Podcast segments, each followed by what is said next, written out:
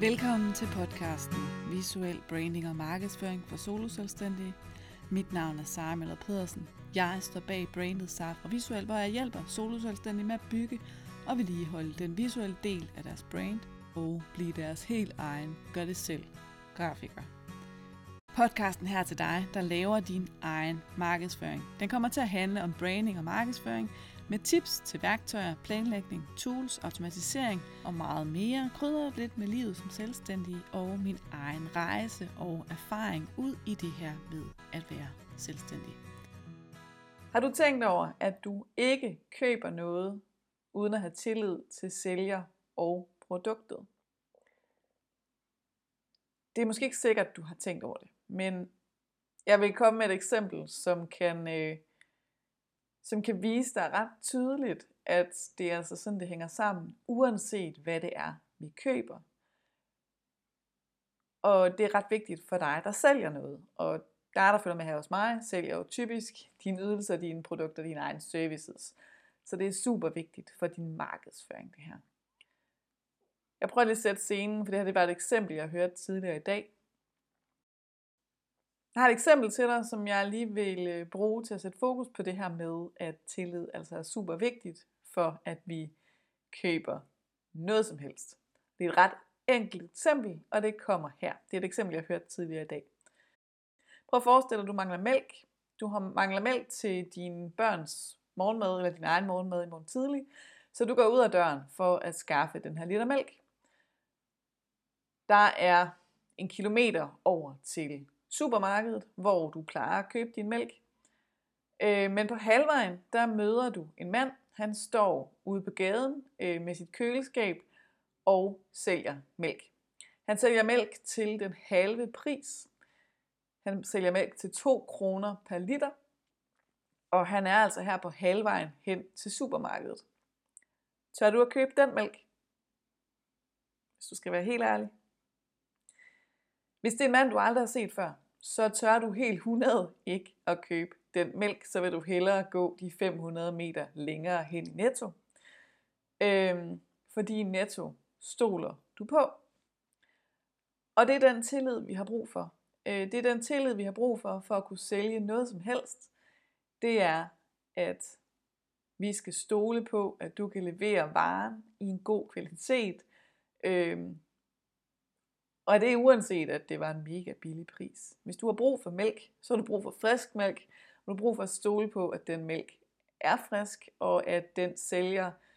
Og hvordan finder man ud af, altså hvordan finder man ud af, at man kan lide en person? Men det gør man jo netop ved at date, ved at prøve ting af, ved at følge dem i et stykke tid. Og det tager tid. Altså du kan ikke, det er ligesom du kan ikke øh, komme og sige til øh, en mand på gaden, at du gerne vil gifte dig med ham. Altså det, det bliver en underlig akavet situation. Du skal ligesom øhm, øh, på nogle dates, lære hinanden at kende, øh, sende nogle breve, komme med nogle kærlighedserklæringer, små gaver, et eller andet. Kærlighedserklæringerne kan sagtens, kan, breve og kærlighedserklæringer kan sagtens være et blogindlæg, øh, video på YouTube, video på Facebook, øh, hvor du nu til stede brug det indhold, du har. Øh, og så skal det nok komme alt sammen. Og så er det den her stoler på. Det du gør, når du skal have folk til at stole på dig, og stole på, at du kan løse den opgave, de har, det er, at du for det første kan du vise øh, resultater, du har lavet, skabt med andre kunder, men du kan altså også lave de her små øh, små løsninger, som er sådan nogle mikro, mikro wins. Øh, det kan være øh, det kan være, at du har et lille bitte mikrotip, der er mega fedt, som kan hjælpe dig med et lille stykke af vejen.